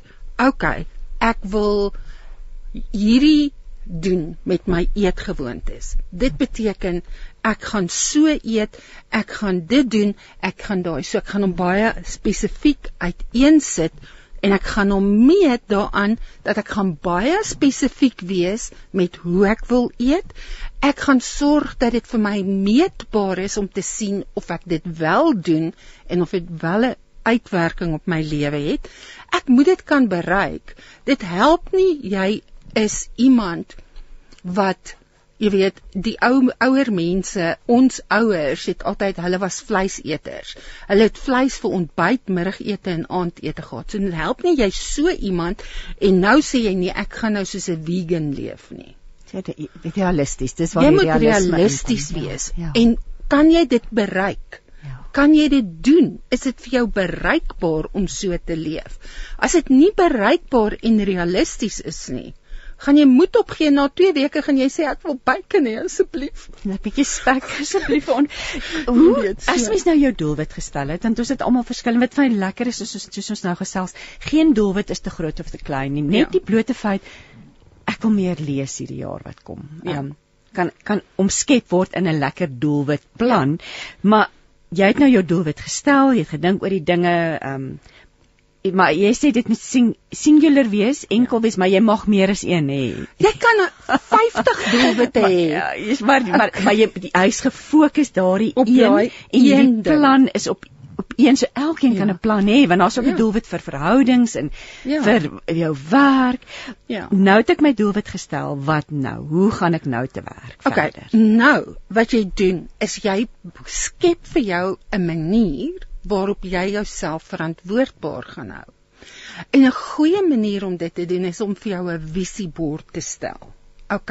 So jy vat jou doelwitte wat jy nou almal aan die hand van hierdie beginsels van dit moet 'n uh, spesifiek en singular wees, dit moet meetbaar wees, dit moet bereikbaar wees, dit moet relevant en realisties wees en 'n tydgebonde ding. En dan kry jy dis waar die pret doelwitte kan ook pret wees. Nou gaan soek jy na prentjies wat hierdie doelwitte vir jou uitbeeld. En jy maak vir jou 'n bord waarop jy jou doelwitte skryf, die uiteinde van hoe daai doelwit lyk.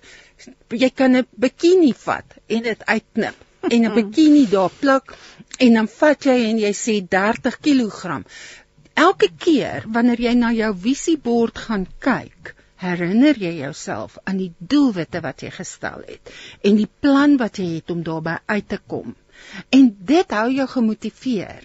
Een van die redes ook hoekom ons doelwitte net uitvissel na 'n maand of 2, is ons het niks wat ons daaraan herinner nie. Ons het niks sure, tasbaar wat ons herinner daaraan nie. En dis hoekom 'n visiebord belangrik is want dis 'n tasbare ding wat as jy die dag voel ek kan ag ek kan hierdie doen nie dis moeilik. Nee nee. Dan gaan staan jy voor jou visiebord en jy herinner jouself aan hoekom het jy daai doelwitte gestel en hoekom wou jy dit bereik en hoe lyk die eindpunt daarvan? En dan bou jy weer nuwe moed op en dan sê jy ja ek wil En daai bietjie dra as 'n visuele mens dit doen ja kan ook mooi wees. Jy kan skrif Jy kan- opsit en dit jy kan dit so maak, ja. mooi maak jy Ja. kan dit iets wat dalk. 'n moeilike uitdaging is Ja. op hierdie manier ja baie positief benader Ja. en sjoe, so boonop die visiebord, wat het ek nog nodig? Wel, jy het verantwoordbaarheid nodig. So as jy iemand is wat weet dat jy sukkel. Okay, sê nou maar jy het nou al baie hierdie breë doelwitte gestel. Jy's iemand wat elke jaar sê hier is my lysie met nuwe voornemens en 2 weke later as dit so lank van dan is hulle almal deur die mat geval dan doen jy en jy weet dis wie jy is. Dan kry jy vir jou iemand wat jy sê, okay, kom ons doen hierdie saam. Kom ons hou mekaar verantwoordbaar. Kom ons praat mekaar moed in wanneer ons die dag nie meer lus voel om hierdie te doen nie. Wanneer ek te lui voel om vir my daaglikse stappie te gaan wat ek in my doelwitte gestel het, dan gaan ek jou bel en sê, "Vertel my weer hoekom doen ek hierdie? Herinner my hoekom doen ek Of hierdie?" vra iemand dat dit saam met jou doen, nie dit saam met doel wat stel. Ja. Dus jy weet so dis die verantwoordbaarheid is een van die belangrikste goed. Want dit help nie jy stel as jy vir jouself doelwitte stel, veral as jy groter doelwitte stel. Eintlik is dit met enige doelwit, is dit belangrik dat jy sê buite jouself, buite dat jy vir iemand sê dis wat ek, Ek wil bereik. wil bereik. Want anders kan jy net daai visiebord afhaal en hom opvrommel en hom weggooi want niemand opgee, weet nee, nie. moet opgee. Jy kan maklik opgee want niemand weet nie. Maar as jy jouself verantwoordbaar hou en as jy sê, "Oké, okay, mense luister, dis wat ek gaan doen hierdie jaar. Hou my verantwoordbaar." Kry 'n groepie vriende saam en sê, "Ons gaan een keer 'n maand gaan ons middagete eet op 'n Saterdag. En ons gaan somme gesels oor die lewe en oor ons families en ons werk en whatever. En dan gaan ons 'n geselsie en sê, "Hoe gaan dit met jou doelwitte? Hoe gaan dit? Kom ons hou mekaar verantwoordbaar. Hoe vorder jy hiermee? Hoe vorder jy daarmee?" Ons het boekklubs waar ons boeke bespreek. Hoekom kan ek nie 'n Doelwitklub. hê waar ek my Oh, doelwitte bespreek nie? Ja. En waar ons mekaar verantwoordbaar hou en maak dit lekker want een van die groot goed wat mense mee sukkel met doelwitte is wat ons aan die begin gesê het dit klink na so harde werk. En wie is op 13 Desember lus om harde werk te doen? Ja, ons gaan eers rus maar Alwaar gaan ons verseker- dink is hoe om deur hierdie res van hierdie week te kom wanneer ons ons kantore sluit en met vakansie gaan en voete in die lug dan is die tyd wat ons 'n bietjie met rustig dink Ja. en en en ag, weet jy, doelwitte maak my opgewonde. Ek's 'n lysie mens. So dit Ja. maak my vreeslik opgewonde, maar om soos jy sê mens moet dieper gaan delf, jy moet. Ja. Amanda, jy het vir my genoem dat jy ook 'n spesiale aanbod het vir ons radiokanse Ja. luisteraars vanoggend. Ja. Jy is 'n lewensafrigter en Ja. ehm ons gaan ons en en en jy werk vanuit 'n Christelike perspektief soos 'n mens Ja. dit is dis die fondament. Wat wat wat bied jy ons luisteraars dan vandag? So ek bied 'n 'n 3 ure werksessie aan waarin ons jou doelwitte van begin tot einde deurwerk. So ons begin by hierdie breë doelwit. Ek wil aan my loopbaan werk. En dan of jou 5 top doelwitte. En ek gaan jou leer as jy dan nog 5 wil stel, kan jy dit in jou eie tyd gaan Want doen. dit gebeur sien natuurlik as jy een stel begin dan dit ontwikkel, ja, nê. dit ontwikkel. So dan werk ons deur dit en ons begin by die begin en ons eindig by die visiebord wat ons vir jou help om 'n mooi visiebord vir jou saam te stel en daar gaan jy en dit is R550 wat minder is as wat ek vir 'n enkel sessie vra. So dis 'n regtig goeie aanbod. Okay, jy moet dadelik my bel. Jy hoef dit nie nou te doen nie. Oh, maar jy Amanda, jy nou- gaan die harde werk doen vir iemand wat nou graag wil doelwitte. Ja. So dis 'n dis 'n sessie van 3 ure spesifiek uh, Ons kan Een op een? So dit dit kan een op een wees of ons kan dit in 'n groepie doen. As jy 'n groepie is wat dit saam wil doen, dan kan ons in 'n dit in 'n groepie doen. Ons kan dit ook opbreek in twee sessies. so wat via ek gewoonlik ja, ek doen dit via Zoom, so enige plek waar jy is. Wat ek gewoonlik doen met hierdie langer sessies is ons doen 90 minute dan sit ons af, ons haal asem, ons drink 'n koffietjie, ons loop as 'n daar nou meer as een persoon in daai. Selfs met ja. een persoon Ja. doen ek dit as ek die langer sessies is. Ja. Jy wil net bene rek, jy wil nie vir 3 ure voor jou rekenaar sit nie. So ons breek dit op in twee sessies van 90 minute elk in dieselfde oggend, maar ons vat 'n halfuur breek tussenin net om asem te haal en draai te loop en Ja. koffietjie te drink of wat So- ook al en dan werk ons verder. So as jy belang as iemand belangstel om jou te kontak Amanda, haar kontak detail asseblief as jy graag hierdie Ja. doelwit sessie wil voorbespreek. Jy het ook genoem jy begin reeds die 3de Ja. Januarie weer Ek werk. begin die 3 Januarie werk. So as dit iets is wat jy wil doen, dan kan jy my nou kontak. Jy kan jou sessie bespreek. Ons kan 'n tyd vir dit vasmaak.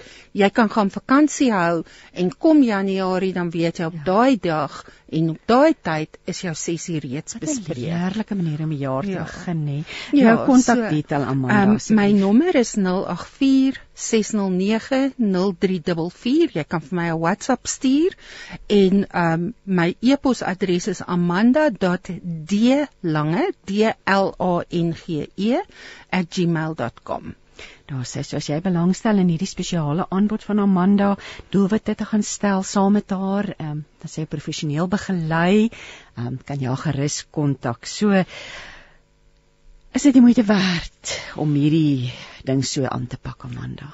Ja, hier is die ding, jy kan jy kan kies hoe jy jou lewe wil lei. Hmm. En jy kan aangaan soos wat jy altyd aangaan en jy kan 'n mate van sukses bereik en jy kan min of meer uitkom Hmm. Waar jy wil wees of jy kan jouself bemagtig en dinge na die volgende vlak toe vat en so bietjie om nou weer Engels te gebruik jou jaar te supercharge en om te sê plek daarvan dat ek met 'n stok ou volksie aansukkel gaan ek hierdie jaar inruil en vir my 'n Mercedes Benz kry Nou maar toe. en dis waarmee ek my jaar gaan aanpak. So dis die keuse. Ja. Wil jy met 'n stok ou volksie ry of wil jy vir jou 'n Mercedes Benz kry? Ag en soos die Here sê sy genade is elke dag nuut. Ons Ja. kan kry altyd die kans om oor te begin Ja. of 'n nuwe rigting in te Dis slaan. nooit ooit te laat Ja. om te sê ek wil die manier waarop ek my Ja. lewe lei verander. Dis nooit te laat daarvoor nie. Sjoe. wonder. En baie keer dink ons omdat ek iets gedoen het op 'n sekere manier, selfs al het dit nie regtig vir my gewerk nie en selfs al het dit nie regtig die resultate gehad wat ek wou gehad het dit moet hê nie, ek gaan my aankarring daarop want die nuwe is vir my te veel van 'n uitdaging. Dit maak my 'n bietjie bang. Sê nou maar ek slaag nie. So ek wil vir jou vandag sê, eerder as om te sê ek is bang dat dit werk nie vir my nie, wil ek jou sê wat as jy sê ek is bang om dit nie te probeer nie. Ja. Wat is dit jou motto geld word? eintlik alles vir alles in die lewe, nee. Ja, Jo, Amanda, baie baie dankie. Ehm um, dis 'n groot is plesier. om jou in die ateljee. Dit is so lekker om altyd- ter, ja, terug is te my wees in die altyd ateljee. lekker, Maar ja. kom ons luister na Johan Anker wat vir ons gaan sing. Ek beloof. Jy's by 657 Radio Kansel en 729 Kaapse Kansel. Die radio wat omgee 24 uur per dag. Jy luister dan met hart en siel en nou gesels ek met skrywer, joernalis Jean Henning Els oor haar boek. Ons kyk na die Donkie Maan stories oor die lewe. Môre Jean, Môre Christine, hoe gaan dit? Ons het so lank lank gesels ek en jy. omtrent, omtrent, ek het geen klagtes aan my kant nie en is so lekker om jou stem ek kan amper sê na jare weer te hoor. Dank te hoor. Jean, hierdie boek wat ek in my hand vashou, ehm um, jy het so talent met skryf en ek wil sommer dadelik wegspring en vir jou vra Dit is 'n boek met verhale van mense se lewens, oomblikke wat saak maak, herinneringe wat gedeel word, maar waar kom die titel vandaan? 'n Baie interessante titel. Weet jy ja, dit is nou 'n storie ons kyk na die donkie maan dis iets wat baie baie naby aan my hart lê want ek is mos baie lief vir reis. En ehm um, my pa het toe ek klein was altyd vir my jy weet hy het vir my op sy skoot gesit. Ons het 'n baie spesiale verhouding gehad. En dan het hy vir my uh jy weet nou on, het ons na die satelliete gekyk in die Melkweg en hy het vir my gesê daar's die sewe susters en so het hy nou uh, die konstellasies en die dinge verduidelik. En ek het my absoluut verwonder. En dan het hy hierdie storie gehad van hy het gesê kyk na die maan. Veral as dit nou volmaan is een keer 'n maand kyk bietjie na die maan en dan kyk jy baie mooi daar's 'n 'n man um, met 'n donkiekar en 'n donkie vooraan en die donkie het lang ore en die man dra 'n wye pantjas. En hulle reis in die maan en hulle is nie haastig nie, daar's baie tyd. En dit het dit het dinge weet by my so los los laat kom en nou nog na al die jare of waakie maak nie saak waar ek reis nie of ek by my huis is, in die tuin of stap nie. As as dit volmaan is, dan onthou ek altyd my pa en ek en ek reis saam en ek reis na plekke toe waar ek was uh wat my herinner toe ek daar was het ek ook na die maan gekyk en en jy weet mens hou nie op op reis nie en as die maan so baie keer is hy blou, baie keer is hy geel en so wit skynsel in uh dit ek is bly in verwondering daaroor. Ek weet jy dis as wie maan ons almal saambind oor die hele wêreld, jy wat so lief is vir reis. Kom ons gesels bietjie oor oor die van die stories. Ek bedoel daar's baie stories dit in die boek vervat is, maar ek sien jy net so glimps vir ons luisteraars gee wat hulle te wagte kan wees as hulle hierdie boek in die hand hou. Ja, ehm um, kyk dit is ingedeel in in in afdelings soos dit nou maar 'n tema het. Ehm um, onder verskillende hoogte solank iemand verstaan gedagtenisse aan gister om mekaar te hê die mense rondom ons presente sonder perke dis nou net om 'n paar te noem. Ja. en dan het ek nou my stories daaronder Hierdie boek wat net uitgegee deur Barnabas deel van dis Christelike Lektuurfonds um, se se uitgewersbeen en so daar's ook 'n geloofslyn, 'n goue draad van van daardie van van geloof nie waar nie, nê? Nee. Ja, nee, daar is uh van my kant self en dan van van mense van wie ek stories vertel wat weet ondervindinge in hulle lewe gehad het of wat 'n omkeer gehad het as gevolg van iets moois wat in hulle lewe gebeur het of 'n keerpunt in hulle lewe wat weet vir hulle balans gebring het in die lewe en die meer laat dink het oor die heelal en God. Jean, die belangrikheid van stories deel jy as 'n joernalis, jy's 'n skrywer, stories is jou kos. Die belangrikheid daarvan om mekaar se stories te deel. Wat dink jy gebeur as ons ander ouens se stories lees? Weet jy as 'n mens ander mense se stories lees of of met hulle gesels en en 'n mens krap so bietjie daar in die binneste rond dan besef 'n mens elke mens het 'n storie. Hmm. Mens moet net bereid wees om om te luister. En selfs wanneer jy voel en jy sien die oomblik is reg, te vra.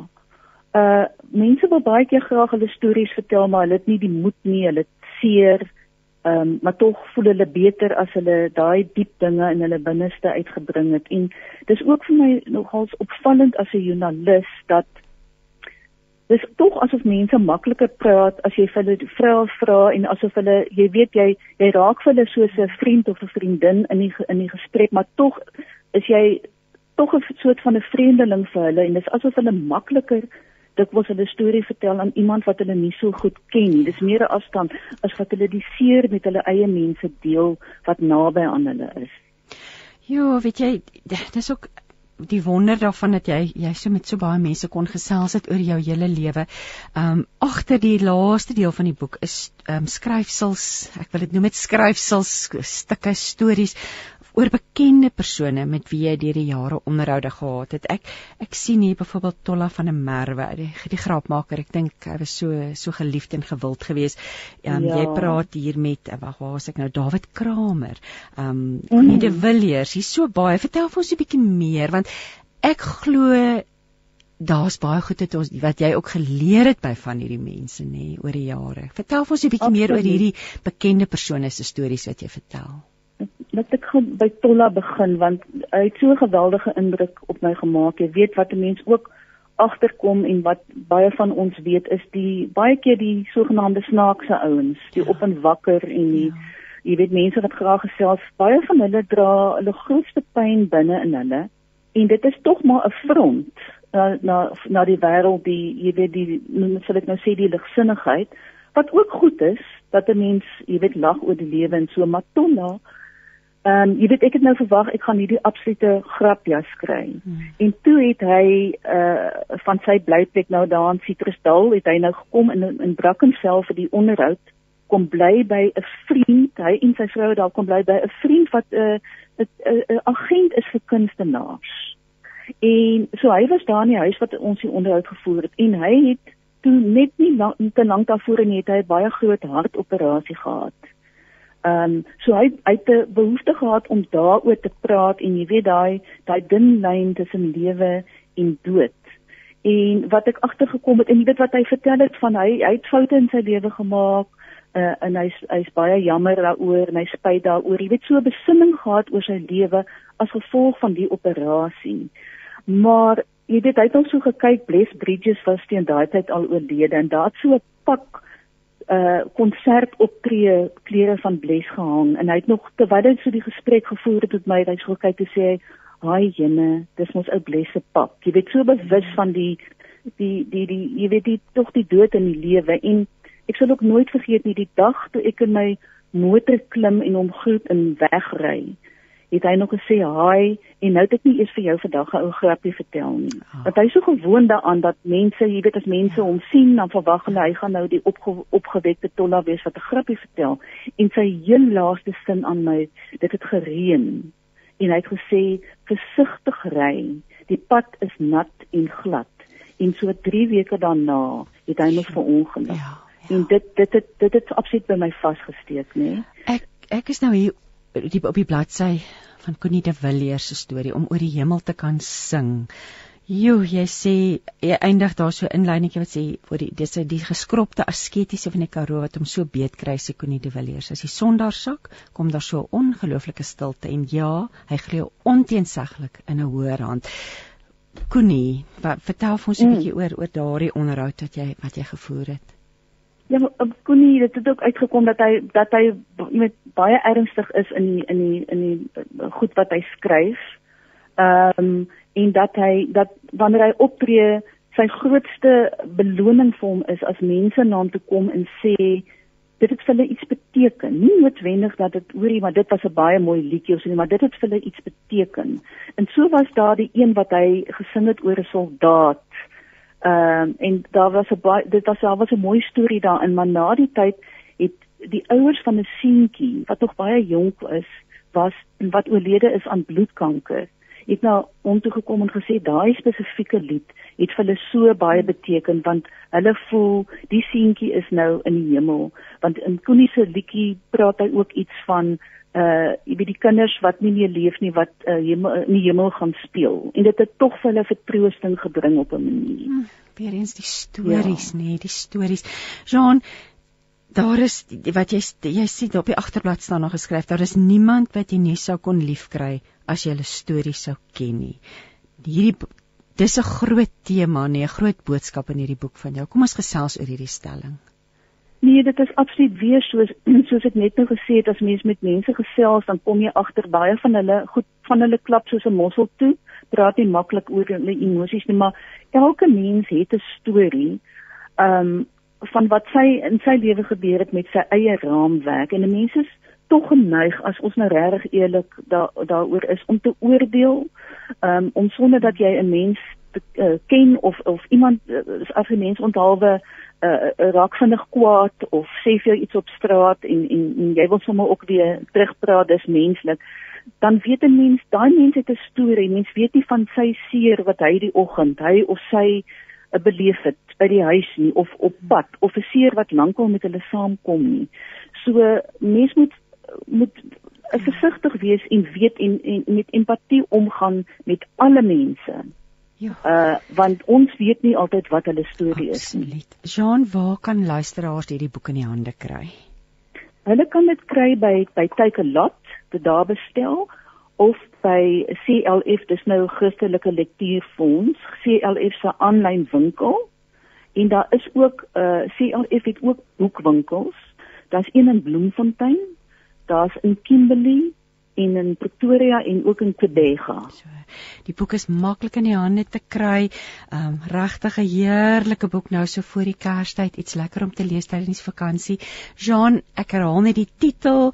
Ons kyk na die donkie maan stories oor die lewe. So dankie vir jou tyd vanoggend. Um ons ons ons wens jou alles wat mooi is vir Kersfees toe en ek hoop ons kan weer in die nuwe jaar gesels. Baie dankie Christine, dit is my regtig 'n baie groot voorreg en ek wil ook vir jou en vir al die luisteraars toewens 'n mooi en 'n sagte nuwe lewensjaar en 'n geseënde Kersfees. Dankie Jean. Kom ons luister na Melanie Vosloo. Deel ons passie vir die lewe op 657 AM. Welkom by jou stilwordtyd. By jou rustig wordtyd. By die tyd en plek waar jy God ontmoet waar jy weer nuwe hoop kry. Waar jy sy vrede beleef, waar jy sy vreugde kan indrink en waar jy diep bewus kan word van sy liefde vir jou. Sy liefde wat vir jou aarde toe gekom het, vir jou gesterf het. Sy liefde wat elke dag in jou leef.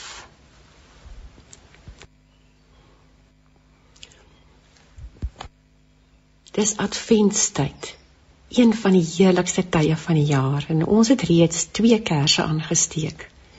Die een van hoop en die tweede een van vrede. Kom ons gesels vandag oor die derde een. Vreugde. Daar's 'n legio boeke, artikels, motiveringspraatjies en resepte vir geluk en vir vrolikheid. Soos byvoorbeeld Geluk en vrolikheid is iets wat ons ervaar as gevolg van ons eksterne omstandighede. Dinge soos ek het 'n bonus ontvang. My kind het goed gedoen op skool. Ons kan uitsien na 'n lekker vakansie. Dit gaan goed met my loopbaan. Ek kuier heerlik saam met vriende. My skuld is eensklaps deur 'n onbekende weldoener uitgevee. Ja, wie van ons voel nie vrolik en gelukkig wanneer dit goed gaan in ons wêreld nie? Vrolikheid is lukraak. Dit kom jou oor. Maar vreugde vreugde is iets anders. Vreugde is nie afhanklik van die eksterne faktore, van die goeie dinge wat om jou gebeur nie. Vreugde vind binne in jou plaas. Dis 'n inherente diep wete dat jy aan God behoort. Vreugde is ook om die regte keuses te maak. En dit het baie keer te doen met hoe jy na jou verlede en jou toekoms kyk. Gelukswetenskaplikes het bepaal dat 'n mens se siening van jou verlede en jou toekoms 'n baie sterk invloed het op jou hede. As jy byvoorbeeld sou terugkyk oor jou verlede, selfs ook hierdie jaar en betekenis daarin vind, as jy vrede gemaak het met dit wat in die verlede in en om jou lewe gebeur het as jy reeds ook weet dat jy nie 'n slagoffer is van jou verlede nie maar kies om vanuit vreugde te leef ongeag wat met jou in die verlede gebeur het dan beïnvloed dit jou hede dan beïnvloed dit jou toekoms ja die manier hoe jy na jou gisters kyk kan die diep vreugde in jou vandag en in jou môre bepaal. In hierdie dae voor Kersfees vier ons hoop, vrede, vreugde en liefde. En ek bid dat jy juis nou in hierdie tyd, ondanks alles wat in jou lewe gebeur, die situasie of plek waar jy is, sal onthou dat die koningskind gebore is om ook vir jou te verlos en om aan jou 'n diep stuk vreugde te gee. Ja, hy het aan jou vreugde gebring omdat jy kan weet dat jy ondanks jou swakhede altyd sy kind bly en dat hy onvoorwaardelik lief vir jou is. Jy kan vreugde in hom vind omdat hy jou verlede, hede en toekoms ken en midde in hierdie reis aan jou sy diepe vreugde wil gee. Die soort vreugde wat jou wil help om die lewe vanuit sy groter perspektief te sien. sy groter prentjie vir jou raak te sien en te weet wie jy in hom is wie jy deur hom kan word diepe vrede vreugde vind ons ook in die wete dat daar nie noodwendig antwoorde vir alles in die lewe is nie maar dat God ons in en deur alles nooit los nie en hom juis daardeur nader aan sy hart kan bring Maak in hierdie dae tyd om stil te word voor die God van vreugde. Skuif jouself op sy en laat toe dat hy jou met sy soort denke en wysheid vul. Met sy soort nabyheid en sorg omhels en dat hy in jou hart 'n diepe sonskyn genade wil bring. 'n Somerkersfees vir jou wil gee. Vind vandag sy sagte vreugde diep in jou hart Ja, hou die Here se hand styf vas. Doen wat hy sê en weet soos in Psalm 37 vers 34 dat hy op die regte oomblik jou hoog sal uitlig bo al jou probleme. Kom ons bid saam. Here, vandag bid ek soos Dawid in Psalm 36 vers 8 tot 10. U is so goed vir ons. Niemand het genoeg woorde om dit te beskryf nie. God, niemand kan sonder u goedheid leef nie. U pas almal op wat by u wegkruip. U liefde vloei soos 'n rivier oor ons hele lewe. U gee vir ons meer as wat ons nodig het. U is goed vir ons. U is lewe. U is die lig wat ons lewenspad verlig. Here, ek wil nie sonder u goedheid en u genade leef nie. Vul my vandag met u somerkersfees vreugde. Amen. Jou daglikse reisgenoot 657 Radio Kansel en 729 Kaapse Kansel